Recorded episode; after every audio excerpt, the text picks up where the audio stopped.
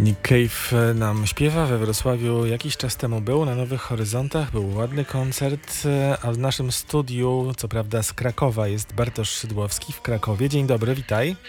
Dzień dobry, dzień dobry. Dzień dobry. Czyli szef Teatru Łaźnianowa, reżyser spektaklu, który też jakiś czas temu był prezentowany we Wrocławskim Teatrze Lalek. Pamiętasz antyzwiastowanie, Bartosz? Ojej, jej, jej, to było tak dawno temu, oczywiście, że pamiętam. Myśmy się wtedy spotkali, pamiętam, w teatrze, rozmawialiśmy przez chwilę, poznaliśmy się.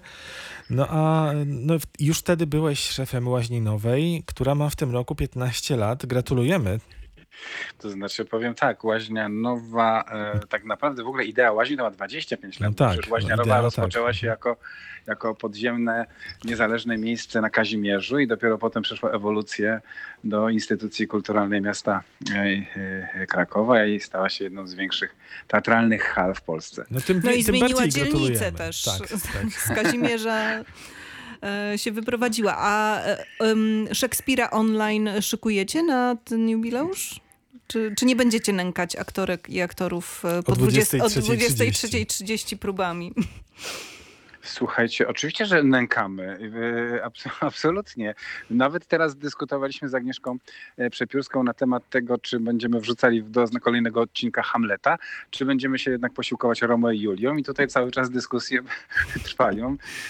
Więc ta, te, próby, e, te, ten efe, efekt filmowy, który widzowie mogą oglądać w internecie, e, w gruncie rzeczy ma swoje odzwierciedlenie w realu, w realu który prawda, my tutaj cały czas uskuteczniamy i cały czas te dyskusje o różnych porach i różnych godzinach się odbywają. No to jeszcze dojaśnijmy słuchaczom, którzy się teraz włączyli, że mówimy o serialu w związku z zaistniałą sytuacją, który Teatr Łaźnia Nowa, Zośka Papużanka tekst, Agnieszka Przepiórska, Przemysław Fik, który zainicjowaliście kilka tygodni temu już?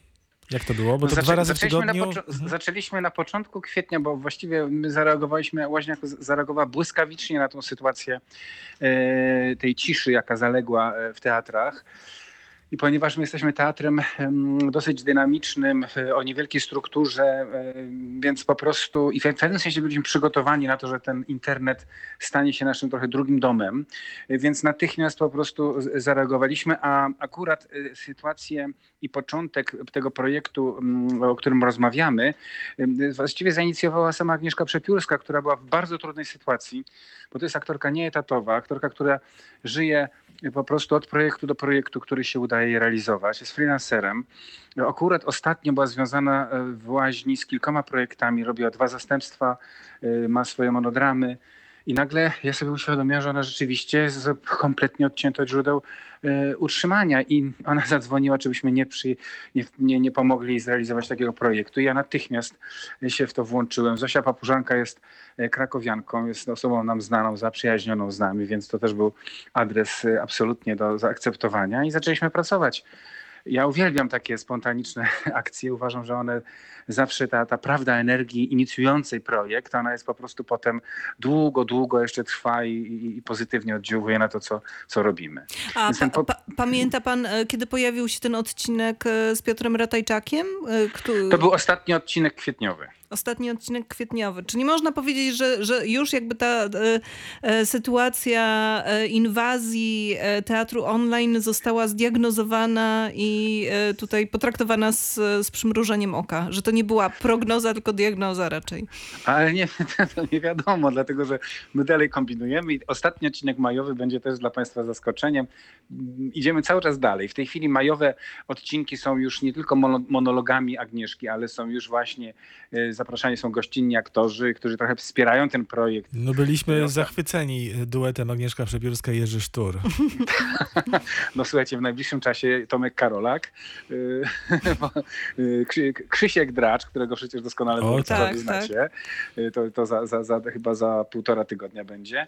Także no, myślę, że w ogóle wszyscy się jakoś chętnie w to bawią. Myślę, że to jest oczywiście efekt y, y, tego, tej, tej, tej, tej pa- pa- pandemicznej pustki. Każdy po prostu, y, ka- każdą iskrę energii i, i, i- tego, i tego impulsu teatralnego wykorzystuje i chętnie, chętnie bierze w tym udział.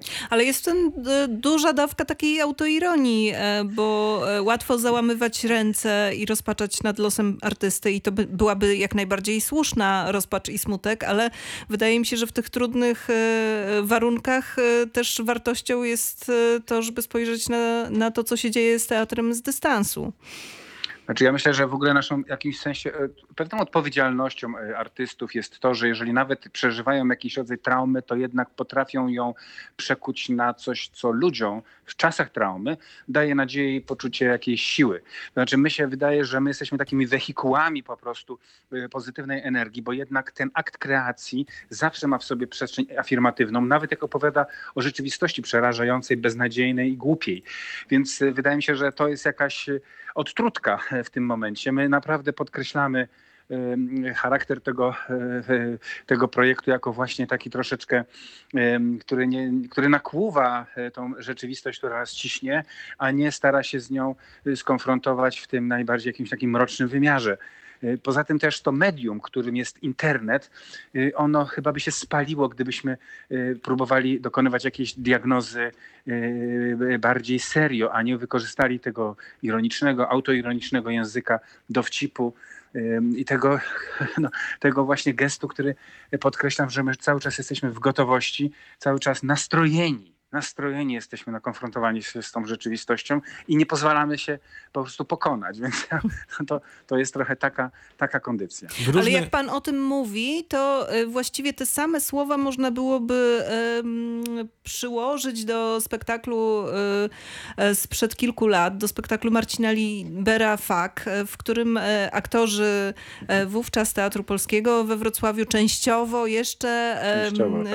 jeden aktor Teatru y, Ale on akurat w tym, y, w tym fragmencie chyba nie, no nie musiał brać udziału ze względu na, na inne doświadczenia swoje i Teatru Polskiego w Podziemiu przepraszali Cezarego Morawskiego, między innymi. To też był Tak. sposób na jakieś poradzenie sobie z tą traumą.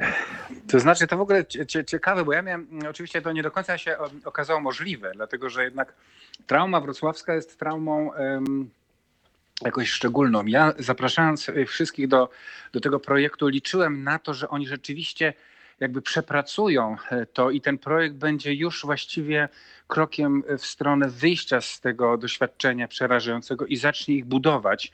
Nie do końca jednak tak było. Ja myślę, że nie chciałbym y, szczególnie na antenie wobec słuchaczy, y, szczególnie Dolnego Śląska i Wrocławia, y, bagatelizować tej sytuacji. Ta sytuacja, która się wydarzyła we Wrocławiu jest bezprecedensowym gestem destrukcji, który ma bardzo daleko idące konsekwencje w kondycji artysty, w ogóle w wiarę naszą jako ludzi kultury, w to, co się może stać z instytucją kultury przy kompletnej indolencji władz, przy braku jakiegoś zrozumienia, czym jest proces twórczy, czym są warunki pracy artysty. Więc wcale nie było tak łatwo. Intencja była, żeby się wydobyć, ale to było nieustające dryfowanie. Ci ludzie po prostu przeżyli straszną tragedię, y, tak naprawdę, bo tu nie chodzi o indywidualne losy, o to, jak się rozwijają kariery. Tu chodzi o to, że zostaje zniszczony pewien mit wiary w jakąś przestrzeń utopijną, o którą my zawsze w teatrze walczymy. I tu jest kwestia no, bardzo głębokich, jakby takich rozstrzygnięć moralnych, etycznych. Nie tego, czy ktoś został we Wrocławiu, czy pracuje w tej chwili w Warszawie i tak dalej. Tu nie chodzi o pragmatykę. Tu chodzi cały czas o wymiar symboliczny, bo kultura tym żywi widzów swoich, są swoją społeczność, która jest wokół niego, narracją i opowieścią symboliczną, wierzeniem w niemożliwe światy. I nagle okazało się, że w jakiś sposób przegrywamy z potworem rzeczywistości, realpolityk, pragmatyki, jakichś dziwnych, niezrozumiałych decyzji. No tak, mówisz o tej sferze symbolicznej, to jest racja, ale no tutaj w, tym, w tej sytuacji również nie wolno zapominać i my nie zapominaliśmy również przez te, w, w ogóle nie możemy tej traumy zapomnieć. Cały czas ją nosimy w Cały sobie i czas pewnie, chyba żyjemy z tą pewnie ona tak, ta, tak już nam zostanie. E, Może, może kiedy się coś zmieni, to ona zostanie zaleczona. Natomiast e, ta sfera realna też jest niesamowicie ważna, bo ten teatr po prostu został w pewnym momencie zrównany, zniszczony. Właściwie go nie ma, tak? No tak, tak o tym mówię. No, właśnie o, o tym mówię, że to znaczy, że my po prostu, y, że to się komuś wydaje, że to jest po prostu coś, co y, jest jakimś tylko przecinkiem w historii y, instytucji, ale to jest właśnie przez to, że to funkcjonuje w przestrzeni też wyobraźni, w pewnej w pejzażu duchowym ludzi, to to jest bardzo długofalowy pro, pro, proces i, jakaś długofalowa i o wiele więcej znacząca niż tylko i wyłącznie konkret sytuacja. W No tym masz rację, czyli ta mówię, relacja symboliki z Tak, realnością. Tak, Oczywiście, doku- że tak. Dokładnie. Więc, no, to, to, i, i więc my, my ja, ja ja obserwowałem to z jakimś czasami takim też y, y, żalem, z jakimś takim też smutkiem tą pracę, która miała w sobie jakiś lot. Oni oczywiście znacie doskonale energię tej szalonej ekipy. Oni po prostu fruwała łaźnia razem z nimi, mówiąc w skrócie.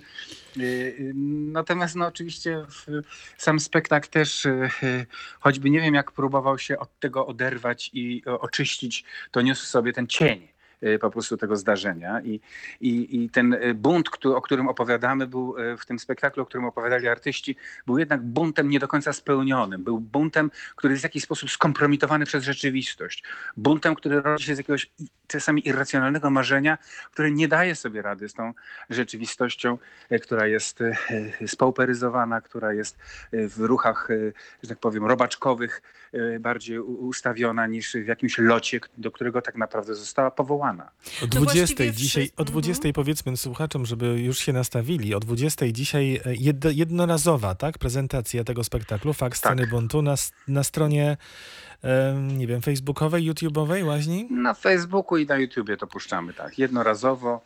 Jest to świetna rejestracja. Marcin Liber dopiero teraz e, miał okazję ją zobaczyć, żeby dać, dać tutaj teatrowi tak zwane zielone światło artystyczne i był zachwycony, bo my robimy te rejestracje z kilku kamer. Od dawna mamy taką zasadę, że nie robimy tylko i wyłącznie technicznych y, rejestracji pod ewentualne wznowienia spektaklowe czy, czy, czy, czy, czy, czy właśnie takich technicznych, ale przygotowujemy praktycznie odrębne projekty artystyczne. I tu znowu pojawia się nazwisko Przemka Fika, który z czterech, pięciu kamer, czasami z dodatkowych jeszcze tak zwanych kamer 360 stopni, rejestruje, potem montuje te materiały i właściwie dajemy radę po prostu przygotować projekty, które są gotowe do profesjonalnej prezentacji telewizyjnej, więc e, zachęcam Państwa do oglądnięcia tego, bo zaskakująco e, sama ta forma rejestracyjna niesie w sobie dodatkowe walory estetyczne, jakościowe i to się bardzo fajnie broni e, na ekranie. Co tydzień, co tydzień e, taka prezentacja jest na stronie, na stronach Łaźni Nowej.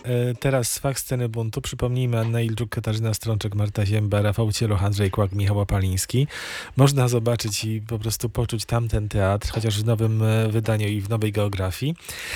Porozmawiajmy przez chwilę o tej ramówce, a potem jeszcze wrócimy do, do spektaklu spektaklu, który Magda widziała i pewnie chciałaby jeszcze wrócić w rozmowie z tobą, ale macie taką tygodniową w ogóle ramówkę Właźninowej. E, właściwie od poniedziałku do piątku coś się dzieje. Czy to jest trochę tak, żeby dać e, i wam, e, pra pracownikom teatru, ale też widzom poczucie, że teatr działa wciąż, że ta pandemia go nie zamroziła całkowicie? No czy to jest, e, ja to najprościej jak mogę nazwać, to, e, to po prostu utrzymanie więzi z publicznością, gest solidarności wobec tej trochę misji, która stoi za tymi naszymi działaniami, bo ja sobie nie wyobrażam zamilknięcia e, i wykorzystania tej sytuacji do jakiejś hibernacji siebie po to, żeby przygotowywać się do jakiegoś innego działania i tak dalej. No po prostu to jest, my cały czas tą potrzebę z publicznością kontaktu mamy i co jest fantastycznym doświadczeniem, że my rzeczywiście dostajemy świetny feedback. Mało ta społeczność internetowa się powiększa i poszerza. I ja nie chcę wartościować, bo to jest oczywiste, że teatr e, live, teatr na żywo jest absolutnie fundamentalną naszą działalnością i tego się nie da zastąpić. Natomiast w momencie takim, jakim jesteśmy, nadal e, trzeba próbować mówić o rzeczach istotnych, odsyłać do rzeczy wartościowych. Stąd z jednej strony mamy e, programy, opowiadać właściwie o tym, jak ta się historia łaźni zaczęła, dlaczego my mamy dalej takie ciśnienie. Jeden z programów poniedziałkowych jest właśnie e, programem, który odsyła nas do historii łaźni sprzed 15, 10, 20 lat nawet i jest rodzajem takich materiałów, które powstają z materiałów archiwalnych, na nowo montowanych, wywiadów, rozmów z twórcami na temat właśnie tego, jak ta idea łaźni się e, rodziła, jak się, e, jak, jak, jak się wykuwała w tym spotkaniu z dzielnicą nowochódzką, z kolejnymi projektami artystycznymi. E, potem mamy wtorki, które są poświęcone właśnie projekcją i prezentacją spektakli, które zostały zrealizowane, więc rozpoczęliśmy oczywiście od jeszcze w marcu od Wszystko o mojej matce, spektaklu Michała Borczucha, chyba najbardziej nagradzanym spektaklu Łaźninowej. Tu też mamy wrocławskie wątki. Tak, oczywiście, oczywiście. A najbardziej, oczywiście. najpopularniejszy... Coś czuję, że dobre spektakle bez wątków wrocławskich no właśnie, się nie wydarzają no właśnie. dekadę. A najpopularniejszym e, spektaklem był e, spektakl z Jerzym Szturem, tak? No z Jerzym Sztorem, ale również tam jest y, wrocławski On wątek, też. bo tej Jasza gra przecież Marta Sięba. Więc y, znowu, podobnie jak zresztą z konformistą. Rzeczywiście Wałęsa w Kolonnos, którego rolę gra y, Jerzy Sztur, to jest jakiś fenomenalny projekt. On jest fenomenalny na poziomie bardzo takiego realnego zdarzenia, bo my tworzymy rodzaj takiej atmosfery, takiego misteryjnego spotkania, trochę jak w stanie wojennym, spektakle w, czy w kościołach robione, czyli coś się w ogóle niewiarygodnego wydarza na publiczności ale równocześnie y, to był spektakl, który pobił nasze wszelkie oczekiwania, jeśli chodzi o tak zwaną klikalność internetową, bo 17 tysięcy ludzi to kliknęło. To są naprawdę już rzeczy, które dla teatru są, że tak powiem, no, me, me, mega jakimś przekroczeniem standardów, w których fu- funkcjonujemy na co dzień. Festiwal Boska Więc- Komedia chyba nie generuje 17 tysięcy publiczności. Nie, nie, nie. Festiwal Boska Komedia z kolei to jest też paradoks pewien, on żyje fenomenem e, zdarzenia tu i teraz. My nie jesteśmy akurat przy festiwalu Boska Komedia jakoś mocno e, zsieciowani, mocno obecni. E, to się będzie zmieniało, oczywiście między innymi ze względu na e, czasy, jakie się nastały, ale, ale energia e, Boskiej Komedii to jest energia tego niezwykłego spotkania w Krakowie, właśnie w Krakowie, w wszystkich e, fenomenalnych twórców z całej Polski. To jest siła tego festiwalu. A on się odbędzie Więc- w tym roku? Znaczy odby, on się już odbędzie, już wiadomo, że się odbędzie w, w formie symbolicznej. Mhm. Y, Takiej, która pozwoli nam y, no, zakomunikować to, co w teatrze najważniejsze, gdzieś obronić jakąś ideę tego festiwalu, bo niestety no, miasto Kraków się stanęło na, na progu bardzo poważnych problemów finansowych, zresztą jak nie tylko e, Kraków, pewnie inne miasta również. I e, decyzja pana prezydenta była taka, żeby festiwale jednak w tym roku ograniczyć. Nawet te festiwale, które nie mają typowego festiwalowego charakteru. Ja mówię, charakter festiwalowy to jest taki fe, fe, festiwal, że tak powiem, glamour, prawda? Takiego rozsiadania się trochę w fotelach i oglądania f, f, fajnego wydarzenia artystycznego. Boska Komedia jest festiwalem mocno jakby wchodzącym jakby w środowisko twórców samych, bardzo stymulujących różne działania teatralne, robiące koprodukcje. To jest, to jest właściwie wehikuł też y, o wiele więcej niż prezentujący tylko spektakle. No ale niestety y, czasy są takie, w których my musimy sobie y, też pewne rzeczy zwery- zweryfikować, zrewidować i, i podjąć to wyzwanie w ograniczonym budżecie. Więc będzie ta boska komedia. Planujemy wersje i alternatywne, gdyby się okazało, że pandemia wraca, i wersje minimal, y, które będą miały miejsce w grudniu. Stawiamy na tak zwane koprodukcje, czyli przekierowanie środków na konkretne projekty, żeby artyści po prostu mieli co robić, żeby się działali, żeby tworzyli, bo w tej chwili chyba z tym jest największy problem, że wielki potencjał tysięcy twórców w Polsce został schibernowany, zamrożony, a ludzie teatru bez kontaktu ze sceną, bez kontaktu z sobą, bez kontaktu z publicznością obumierają. To jest najsmutniejszy e, po prostu widok, więc e, natychmiast będę starał się boską komedią zaktywizować właśnie projekty artystyczne, w których twórcy będą mogli pracować na scenie, przygotować spektakle. To wróćmy jeszcze na chwilę do ramówki. We wtorki pokazy spektakli online, a w środę i piątki właśnie ten serial internetowy, literacki w związku z Tak. zaistniałą sytuacją. No i jeszcze czwartek taki macie oryginalny, dość teatralny pomysł. Domowa Akademia Filmu Polskiego. Tak, no Łukasz Maciejski jest od lat zaprzyjaźniony ze mną i od lat zaprzyjaźniony z Łaźnią. Jest Z to, Wrocławiem e, również. no, z kim nie jest zaprzyjaźniony Łukasz Maciejewski, prawda? Cykl w Teatrze Polskim? W DCF. No, no w właśnie, później. No właśnie. No tak. Więc jest to człowiek, który no, wydaje mi się o wielkim, wielkim talencie e, właśnie takiego komunikowania e, sztuki, komunikowania filmu, komunikowania teatru. E, w tej chwili pisze pracę doktorską z, z spektakli Krystiana Lupy. Więc nie- już nie tylko erudyta, ale ktoś o jakiejś niezwykłej wrażliwości, a przede wszystkim, znaczy jak się rozmawia z Łukaszem, to człowiek od razu się czuje lepiej, tak bym powiedział. Znaczy od razu wie, co, no on fantastycznie e, te swoje e, rozmowy prowadzi i on osiągnął wielki sukces w Łaźni. Najpierw zaczęliśmy z nim robić projekt letni, to znaczy latem raz w tygodniu pokazywaliśmy filmy polskie, zapraszaliśmy twórców tych filmów i to się to cieszyło bardzo wielką po- popularnością i przenieśliśmy ten cykl na okres całego sezonu, a w momencie, kiedy sezon został zamrożony z wiadomych względów, postanowiliśmy dokonać takiego przeniesienia na e, internet i, i Łukasz przy, przy, przy, po prostu przygotowuje rodzaj wprowadzenia, opowieści o konkretnym filmie, który na ten czas pandemii w sposób szczególny poleca. I potem następuje przekierowanie już do filmu zgodne z wszelkimi zasadami praw autorskich, czy to do Nina Ne- Ninateki, czy, czy gdzieś indziej I, i, i można ten film oglądać z takim rodzajem wglądu czy ukierunkowania, które podaje Łukasz Maciejewski. Powiedz Bartosz, czy e, no, na pewno planujecie, co będzie pierwszą premierą popandemiczną w Teatrze Łaźnie Nowa? Czy, To to, znaczy- czy o tym nie- można nie- mówić już dzisiaj? Można mówić, słuchajcie, no ja uważam, że trzeba mówić, bo po prostu jak się mówi, to już się coś staż, zdarza po prostu. Ja nie uważam, że można coś zapeszyć. Znaczy ja liczę, że my jesteśmy już z pierwszym projektem gotowi za trzy tygodnie. My właściwie właśnie chcemy zamienić w galerię, zgodnie z tym, że galerie są otwarte oficjalnie. To jeszcze nie jest do końca, oprócz oficjalnych otwarć, y, to jeszcze są oczywiście procedury, które są bardzo skomplikowane i żadna galeria, ani żadne muzeum tak na razie jeszcze nie zostało otwarte, ale my się przygotowujemy do tego. Muzeum ponieważ pana my mamy- Tadeusza we Wrocławiu częściowo zostało otwarte. Muzeum Narodowe również dzisiaj o 12 Aha, no to zdaje się. świetnie, no to świetnie. No to świetnie, no to y, no jak zwykle Wrocław tutaj się sprawdził. Wspaniale, gratuluję wam. Ale, W Krakowie też ale- nie najgorzej. No tak, ale to jest pytanie, czy ludzie będą chcieli przyjść. Y, Są mierzone temperatury i tak dalej, i tak dalej. Są du- duże No obostrzenia. ja z tego zrobię spektakl. Słuchajcie, ja to, ja to zrobię spektakl z tego. Ja uważam, że to jest w ogóle to jest fantastyczny element. Chcesz zagrać w spektaklu, zmierz sobie temperaturę. No to uważam, że to jest w ogóle fantastyczny start do tego, żeby otworzyć y, tak zwariowany teatr, jakim jest Łaźnia. My mamy wystawę. My mamy wystawę związaną właśnie z 15-leciem Łaźni. Ona została przygotowana parę miesięcy temu. No i właściwie w związku z tym chcemy ją po prostu udostępnić i troszeczkę rozbudować.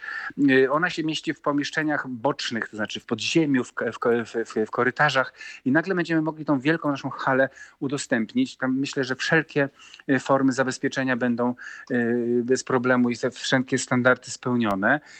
A tylko czekamy na moment, w którym ym, zostaną uwolnione te i pozwoli się nam po prostu próbować i zaczniemy już pracę nad konkretnymi projektami. Ja chcę zacząć próby nad He- Wiktor- W- Wernerem Herzogiem i spe- i spektaklem inspirowanym Fitzgeraldo przede wszystkim. To też na dzisiejsze czasy spektakl o tym, że te marzenia artysty po prostu pokonują rzeczywistość i, i, i siła woli i wiara w to, co się robi, po prostu zmienia rzeczywistość dookoła nas i świat. Nawet ten najbardziej brutalny i, i obojętny. Więc y, no, próbujemy. Chcemy y, w wakacje, my mamy taki cykl bulwartowy, to się nazywa Bulwart Sztuki. My zawsze w wakacje wychodzimy w plener i cały teatr się przenosi po prostu na taki zalew, piękne takie miejsce rekreacyjne w, tuż niedaleko naszego budynku. W tym roku to będzie ograniczone. Oczywiście czekamy na e, wszelkie pozwolenia, ale jesteśmy już w blokach startowych. Szukamy alternatywnych form, y, żeby pewne rzeczy się mogły wydarzyć, jeśli nie w pełnym wymiarze, to przynajmniej w częściowym. Także ja raczej staram się optymistycznie o tym wszystkim myśleć i bardzo też praktycznie, żeby po prostu nie zgasić jakiegoś ducha, bo chyba najgorsze to jest to, że bo tą niepewność możemy, co, możemy podkręcać niepewnością, możemy dalej budować jakieś sfery lękowe, albo możemy ją trochę próbować zaczarować. I nawet jeśli się zderzymy z niemocą jakąś, e, e, prawda, no to, no to próbować ją w inny sposób pokonać. No, no taka jest trochę rola artysty, nieustępliwego w tym przekonywaniu do światów niemożliwych, więc tak chciałbym to robić. No i, i mam nadzieję, że to się uda. E, No tutaj znowu e, przychodzi mi do głowy fakt, czyli spektakl, który dzisiaj Mhm. e, będzie można zobaczyć online.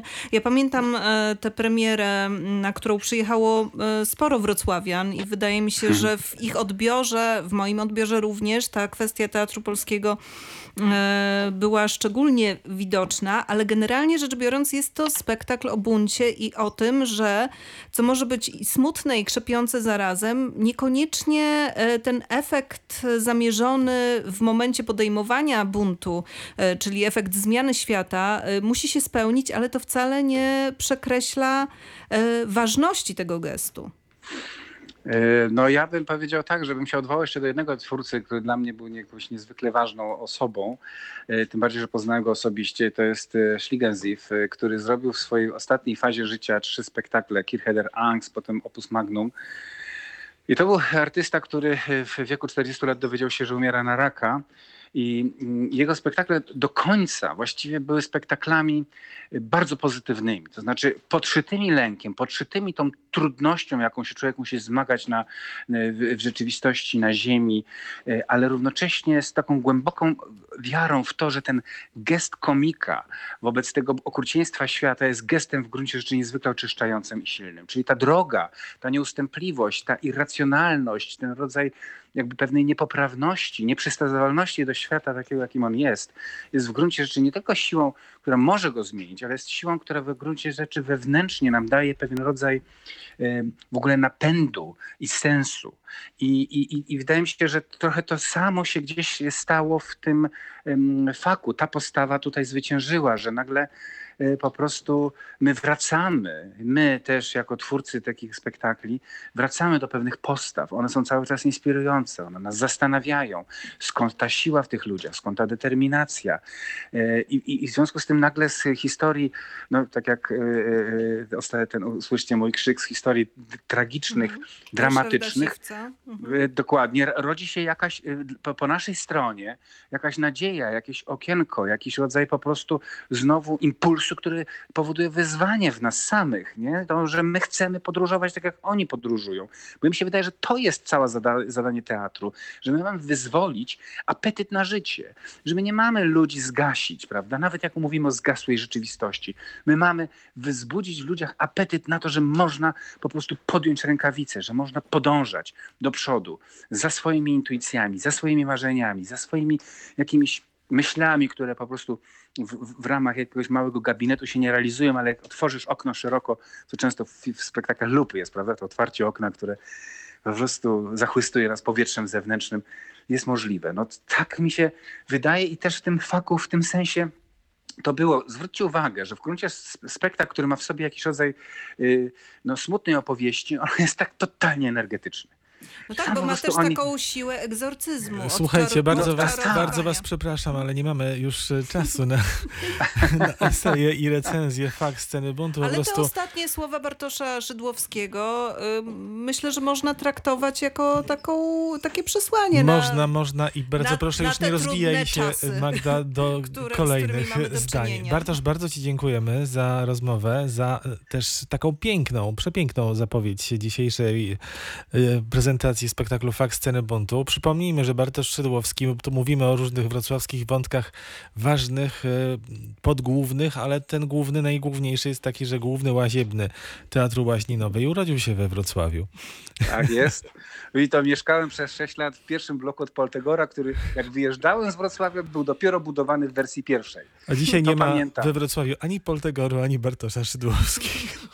No otóż to. No, sercem jestem bardzo często. A moja matka do dzisiaj roz, rozpacza, że musi mieszkać w Krakowie, a, a musiała opuścić Wrocław. To jest nasza rodzinna trauma, więc w jakiś sposób cały czas wracam do tych wspomnień. Podobno sielskich i anielskich, nie wiem sam, no bo byłem jednak za mały, żeby to tak dobrze pamiętać. Dziękujemy Ci bardzo. Dziękujemy Pozdrawiamy bardzo. mocno Kraków z. Wrocławia. Do zobaczenia, usłyszenia. Dziękuję Do Wam bardzo. Do zobaczenia.